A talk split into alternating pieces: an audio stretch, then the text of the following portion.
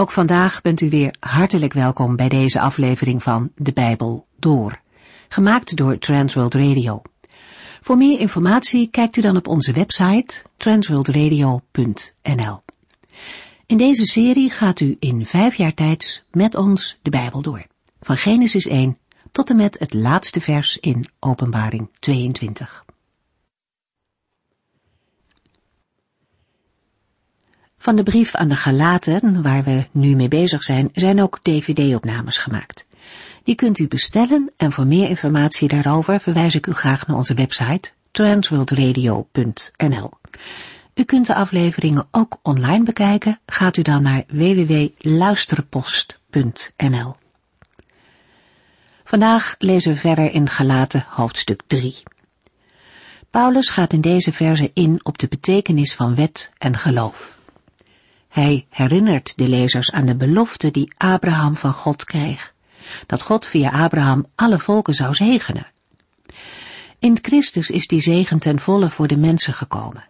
Iedereen die net als Abraham op God vertrouwt, zal ook delen in de zegen van God.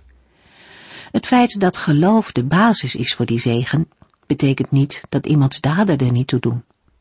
Zowel Paulus als Jacobus laten aan de hand van Abrahams leven zien dat geloof zonder daden eigenlijk niks voorstelt. Ze noemen het zelfs dood. Als iemand beleidt een gelovig te zijn, dan is dat merkbaar uit zijn of haar daden. Maar het is niet hetzelfde als de wet van Mozes houden. Die kwam trouwens ook pas na Abraham. De wet had tot doel om mensen te laten zien hoe ze moesten leven. En wie zich aan alle geboden hield, kon daardoor rechtvaardig worden maar het is wel duidelijk geworden dat geen mens daartoe in staat was. Op grond van die wet wordt iedereen die zich er niet volledig aan houdt, veroordeeld. Geen mens zou in Gods nabijheid kunnen komen. Galaten 3 eindigt met de geweldige oplossing van de Heere God. Hij liet toe dat zijn zoon gekruisigd werd in plaats van mensen. Jezus stierf aan het kruis. Hij nam de straf, het oordeel over. En daarom is iedereen die in hem gelooft, iedere christen, vrij van de vloek en het oordeel van de wet. We mogen leven in de zegen van Abraham, die in Jezus Christus is gekomen. En dat is ware vrijheid. We lezen verder in Galaten 3 vanaf vers 13. In de vorige uitzending hebben we gelezen dat wat de wet niet kon doen, Christus wel kan. Hij heeft ons vrijgekocht van de vloek van de wet. Paulus gebruikt hetzelfde woord vrijkopen ook in Galaten 4 vers 5. In 2 Korintiërs 5 vers 21 lezen we, want God nam Christus, die geen zonde gedaan had, en belastte hem met onze zonden. In ruil daarvoor rekent God de rechtvaardigheid van Christus aan ons toe. Hij die geen zonde gekend heeft, had de vloek van de wet juist niet verdiend. Toch heeft de Heere die vloek op hem gelegd. Die vloek was eigenlijk voor ons, want wij hebben de wetten van de Heere niet nauwgezet gehoorzaamd. Christus werd voor ons vervloekt en is aan die vloek gestorven. De kruisdood was daarvan een teken.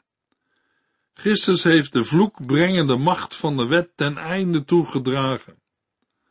Paulus verwoordt het in Galaten 3 vers 13 met de woorden, Christus heeft ons vrijgekocht van de vloek die de wet over ons bracht, door voor ons die vloek op zich te nemen.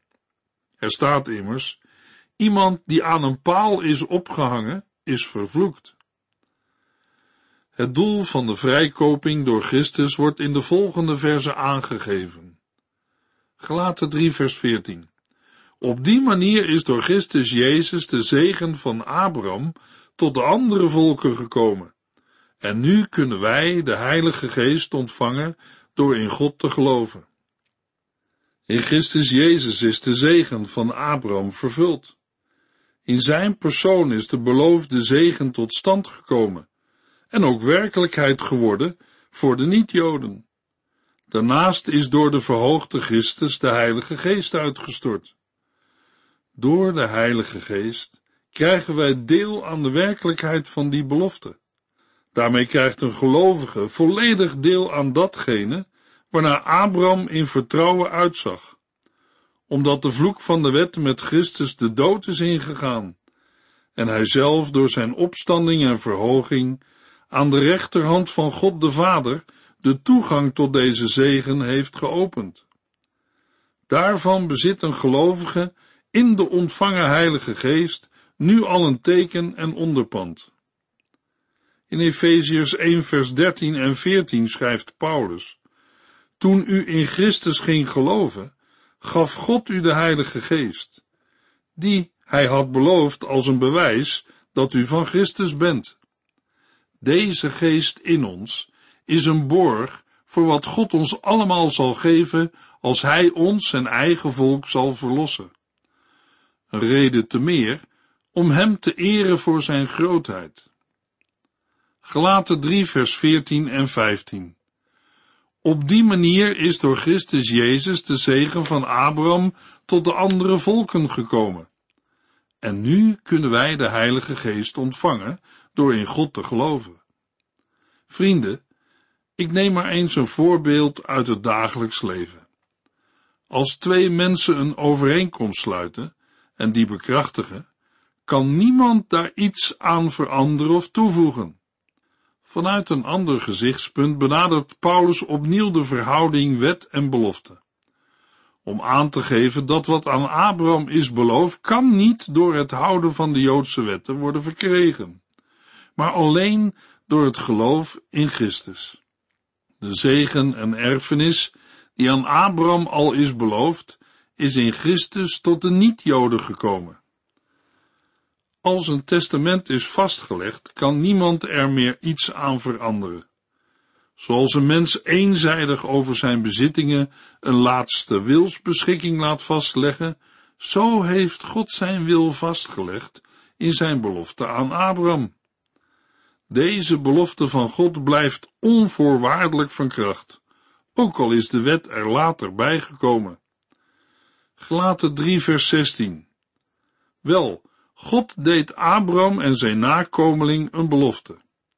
Er staat in de boeken niet dat de belofte aan Abrahams nakomelingen werd gedaan, alsof het om velen zou gaan. Maar er staat nakomeling, en daarmee wordt Christus bedoeld. Door het enkelvoud te benadrukken, geeft Paulus aan dat door de komst van Jezus Christus de belofte aan Abraham werkelijkheid is geworden. Met name de belofte, ik zal u tot een God zijn en u zult mij tot een volk zijn. Een ongestoorde relatie met de Heere kan alleen gerealiseerd worden door het verzoenende werk van Christus. Vandaar dat Paulus spreekt over nakomeling. In eigenlijke zin is Christus degene die God op het oog had toen hij aan Abraham zijn belofte gaf. Omdat de Heere wist dat Christus zou komen, kon hij deze belofte doen. In vers 29 schrijft de apostel, als u deel van Christus bent, bent u ook kinderen van Abraham, en dan is wat God hem beloofde ook voor u. Ja, maar, zal iemand zeggen, wat wist Abraham van Christus? Mogelijk meer dan wij denken. De Heer Jezus zegt in Johannes 8, vers 56, Abraham keek met blijdschap uit naar mijn komst. Hij zag mijn komen en was erg blij. Gelaten 3 vers 17. Ik bedoel dit. Als God met Abraham een onverbrekelijke overeenkomst heeft gesloten, kan een wet die er pas 430 jaar later bijkwam, die overeenkomst niet ongedaan maken. De belofte die God heeft gedaan, blijft gelden. Nu dit duidelijk is, kan de eigenlijke vergelijking met de overeenkomst of het testament uit vers 15 worden doorgetrokken. De belofte die God van tevoren gegeven had, in de vorm van een testament en verbond, kan haar rechtskracht niet verliezen, doordat er iets anders bij komt. Als een eenzijdige wilsbeschikking van een mens al van kracht blijft, hoeveel te meer dan een wilsbeschikking van de Heere? De belofte die de Heer aan Abraham heeft gedaan, blijft in zijn volle kracht staan. Paulus zegt dat de wet 430 jaar na de belofte aan Abraham is gekomen. Daarbij gaat het Paulus niet om het precieze aantal jaren, maar om het feit dat de wet veel later kwam. God beloofde Abraham dat hij hem tot een zegen voor alle mensen zou maken. Die zegen is gekomen in Jezus Christus. In feite is hij de grootste gave die de Heer aan de wereld heeft gegeven. Het is een vervulling van Gods belofte, zodat ieder die in hem gelooft niet verloren gaat, maar eeuwig leven heeft. Gelaten 3 vers 18 Als wij gered konden worden door de wet te gehoorzamen, is het duidelijk dat dat een andere manier is om met God in het reine te komen dan de manier van Abraham. Want hij was een vriend van God, omdat hij eenvoudig geloofde in Gods belofte. Als dan de wet de belofte niet van haar rechtskracht berooft, zou de enige mogelijke plaats voor de wet nog kunnen zijn die van aanvulling ter verkrijging van de erfenis. Maar ook op dit punt is Paulus opnieuw resoluut. Als een mens uit de wet, dat wil zeggen door eigen kracht, recht op de erfenis zou kunnen verkrijgen, dan is het niet meer uit de belofte. Dat wil zeggen door het gelovig aannemen van Gods toezegging. Het is of of. En het is duidelijk hoe Abraham het recht op de erfenis is toegezegd. Niet via de wet, maar krachtens de belofte. Want de Heer heeft besloten zijn genade te laten gelden. De conclusie is duidelijk. De wet als middel om de erfenis te verkrijgen is totaal uitgesloten. Bij deze dingen moeten we voor ogen blijven houden dat het hier gaat om de wet als middel om met God in het reine te komen. Met andere woorden, de wet als middel om het heil te ontvangen. Op dat punt is de wet alleen maar een gevaar en blijft het alleen door Gods genade.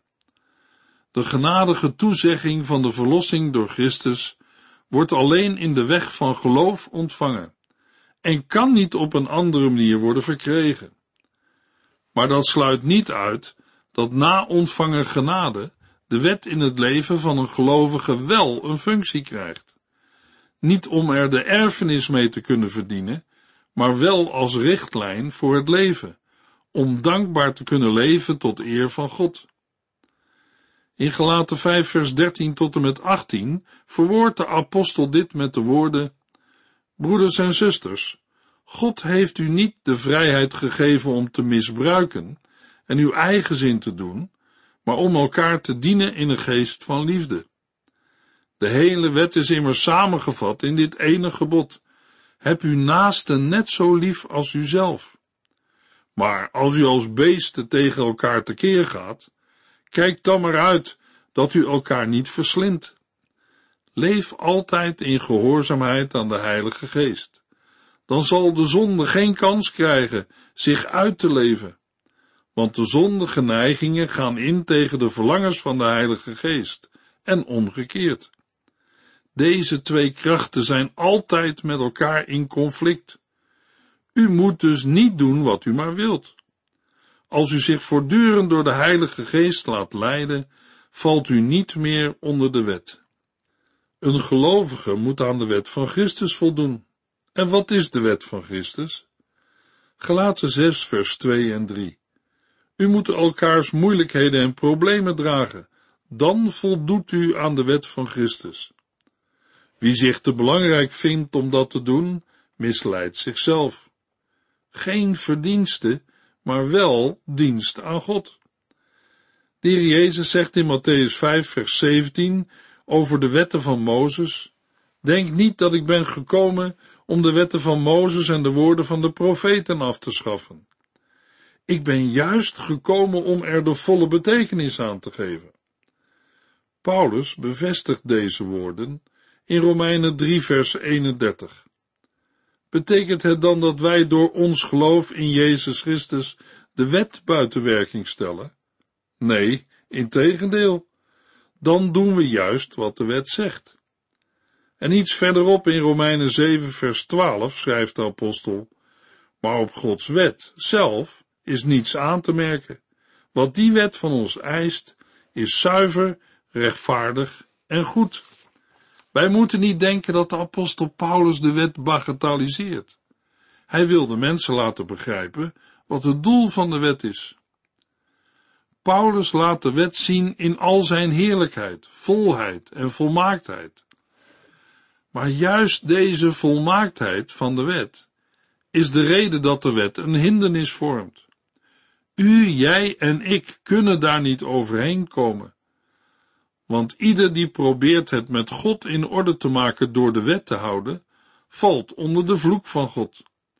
Want er staat in de boeken, vervloekt is hij die deze wetten niet nauwgezet gehoorzaamt. Gelaten 3 vers 19. Waarvoor dient de wet dan? Die is later ingevoerd om duidelijk te maken dat er zonde is.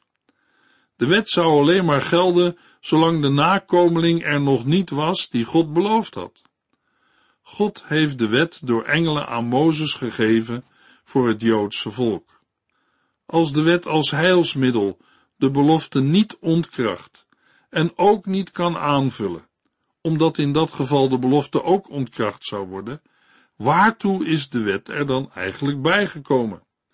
De vraag naar de functie en het doel van de wet in Gods heilsplan wordt tot de eerste helft van vers 22 negatief beantwoord. En vanaf de tweede helft van vers 22 positief. Om duidelijk te maken dat er zonde is, betekent dat het er de wet juist om gaat om zonde aan het licht te brengen. Maar er is meer dan dat de wet alleen maar duidelijk maakt dat er zonde is. Een mens vindt als zondaar in de wet juist een extra aanleiding om de wet te overtreden. Zo wordt de zonde door de wet uit de schuilhoeken van ons hart gelokt en brengt de wet die zonde in haar wezen als acuut verzet tegen God tot haar volle ontplooiing. Luisteraar, het zal ook uw ervaring zijn dat dingen die verboden worden of zijn, een sterke zuigkracht en verleidende invloed op ons hebben. Een mens merkt dat de zonde een macht is, die probeert u, jou en mij eronder te krijgen. De wet maakt de zonde tot een macht, die vanwege de zonde in ons hart onze overtredingen alleen maar vermeerdert en tenslotte voor ons de dood betekent. Daarmee gaat de apostel Paulus recht tegen de Joodse opvatting in, dat de wet al voor de schepping bestond en als eeuwige uitdrukking van Gods wil de mens helpt het heil waardig te leven. Integendeel, zegt Paulus, de wet staat op de tweede plaats, ze is er pas later bijgekomen. De wet laat ons juist zien dat we nooit uit onszelf het heil waardig zijn of kunnen verdienen. Daarmee blijkt dat de functie van de wet alleen ligt in het onderstrepen van het feit dat de mens alleen door genade behouden kan worden. Daarom is de wet ook niet eeuwig. Toen het zaad kwam, de nakomeling Christus, waarop de belofte sloeg, kon de wet van deze functie worden ontslagen. De middelaar die de wet van God overhandigt, is Mozes. Dat de Heere daar engelen voor gebruikte, was in de tijd van het Nieuwe Testament, op grond van Handelingen 7 vers 53 en Hebreeën 2 vers 2, een algemeen aanvaarde traditie. Met deze mededeling geeft Paulus in vers 19 aan dat de afstand tussen de Heere en zijn volk toen hij zijn wet gaf, groter was dan toen hij direct tot Abraham sprak. Dit wordt bevestigd in het volgende vers. Gelaten 3 vers 20. Maar toen hij, de Heere, zijn belofte aan Abraham gaf, deed hij dat zonder tussenpersoon. Paulus geeft het structurele verschil aan tussen de wet en de belofte, door op beide oorsprong te wijzen. De middelaar die de wet gaf, laat zien dat bij de realisering van wat de wet vraagt twee partijen nodig zijn. Bij die structuur moet de mens zelf iets doen. Maar de wet heeft alleen de mens in zijn onmacht laten zien. Hij kan zelf niet aan Gods geboden voldoen. Zijn verzet tegen God is zelfs tot volle ontplooiing gebracht. Bij de belofte is dat anders. Eenzijdig heeft de Heere zijn heil toegezegd. Voor de realisering daarvan is hij van geen tweede partij afhankelijk. Hij is één, de enige, van wie alles afhangt. Dat maakte de belofte wel betrouwbaar als heilsweg, om met God in het reine te komen door in Jezus Christus te geloven. De wet werd toegevoegd om de overtredingen te doen blijken. Hij werd gegeven om zonde te laten zien, niet te verwijderen. Hij werd niet gegeven om de mens van de zonde weg te houden, omdat de zonde al gekomen was. Hij moest de mens zichzelf laten zien als zondaar voor God. En ieder die eerlijk is, zal naar zichzelf kijken en in het licht van Gods wet tot de conclusie komen dat hij of zij schuldig is. De wet werd niet gegeven om te bewijzen dat alle mensen zondaars zijn. Dat was daarvoor ook al duidelijk. De wet is ook niet gegeven als een norm waardoor een mens heilig of heiliger wordt. Wij kunnen de wet vanuit onszelf niet houden. Veel mensen denken dat een mens pas een zondaar wordt als hij een zondige daad pleegt, maar dat is niet waar. Iets wat er niet in zit, kan er ook niet uitkomen. Dat wil zeggen, er zijn geen goede mensen, want vroeg of laat doen mensen dingen verkeerd en blijkt juist dat ze gewone mensen zijn met fouten en gebreken. Het is omdat de mens van nature, vanuit de verwekking, al een zondaar is en daardoor zondige dingen doet. Ja, zal iemand zeggen of denken, dan is er niemand goed. Luisteraar, dat is nu precies wat de Heer in zijn woord zegt. Romeinen 3 vers 23. Alle mensen hebben gezondigd en missen daardoor Gods nabijheid. En weet u wat het loon van de zonde is? Romeinen 6 vers 23. De zonde betaalt een hard loon, de dood. Maar de genade van God geeft wat niemand verdient, eeuwig leven met Christus Jezus, onze Heere. Wij hebben een zondige natuur, omdat wij in zonde ontvangen en geboren zijn. Onze ouders waren ook zondaars. De wet van God werd gegeven om dat te tonen, maar ook om te laten zien dat wij mensen allemaal een middelaar nodig hebben. Iemand die tussen ons en God in gaat staan. Iemand die zegt, Vader, straf mij maar in plaats van hem, in plaats van haar. Christus komt met zijn genade u te hulp en biedt u zijn verlossing aan. Is er nog een andere oplossing? Gelaten 3 vers 21 laat zien van niet. Zijn Gods wet en Gods belofte dan met elkaar in tegenspraak? Nee, natuurlijk niet. Als er een wet zou zijn die leven kon geven, dan zouden we ook wel door een wet uit de greep van de zonde kunnen komen. Nu de wet niet alleen in haar zwakte, maar zelfs in haar structurele verschil met de belofte naar voren is gekomen, kan de vraag van vers 19 opnieuw opkomen. Waarvoor dient de wet dan? Als de wet eerder van het heil afbrengt dan dat ze ertoe kan bijdragen, is de wet dan niet met de belofte in strijd? Nee, natuurlijk niet, zegt Paulus, want de Heere zelf heeft de wet een functie gegeven in de geschiedenis die hij heeft met zijn volk Israël, zoals blijkt uit het vervolg.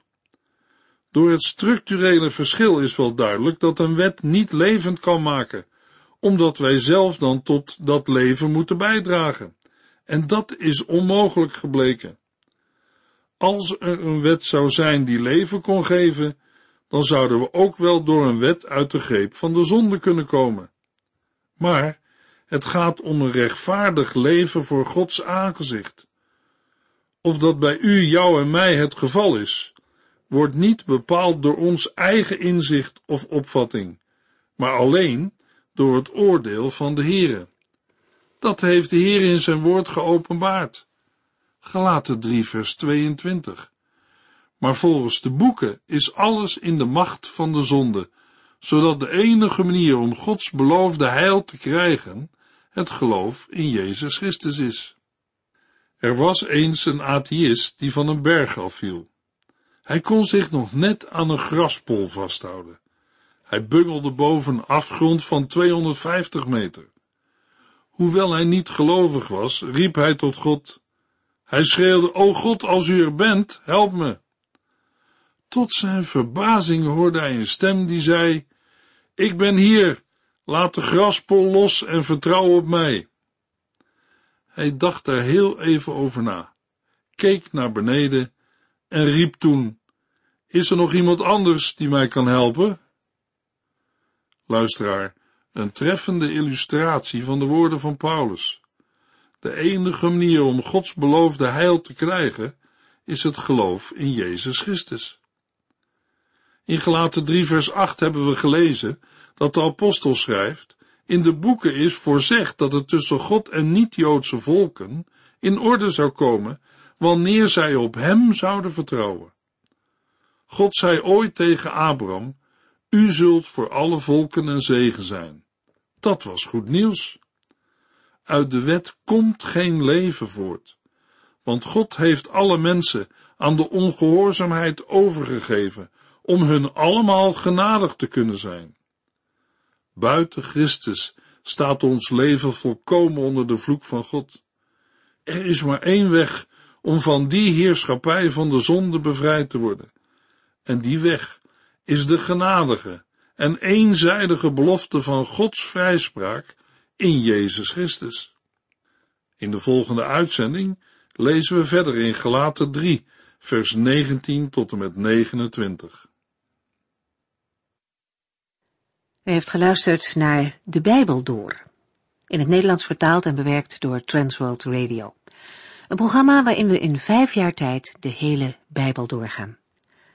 Als u wilt reageren op deze uitzending of u heeft vragen, dan kunt u contact met ons opnemen. Tijdens kantooruren kunt u bellen op 0342 478432. 0342 478432. Ook kunt u een e-mail sturen naar de Bijbel door at transworldradio.nl en natuurlijk kunt u ook via de post ons bereiken. TWR, postbus 371, postcode 3770, AJ in Barneveld. Dit programma werd gepresenteerd door Cor Weda en Ike André. Techniek was in handen van Odin van Voorkom. En wij allemaal bedanken u voor het luisteren. Graag tot de volgende keer.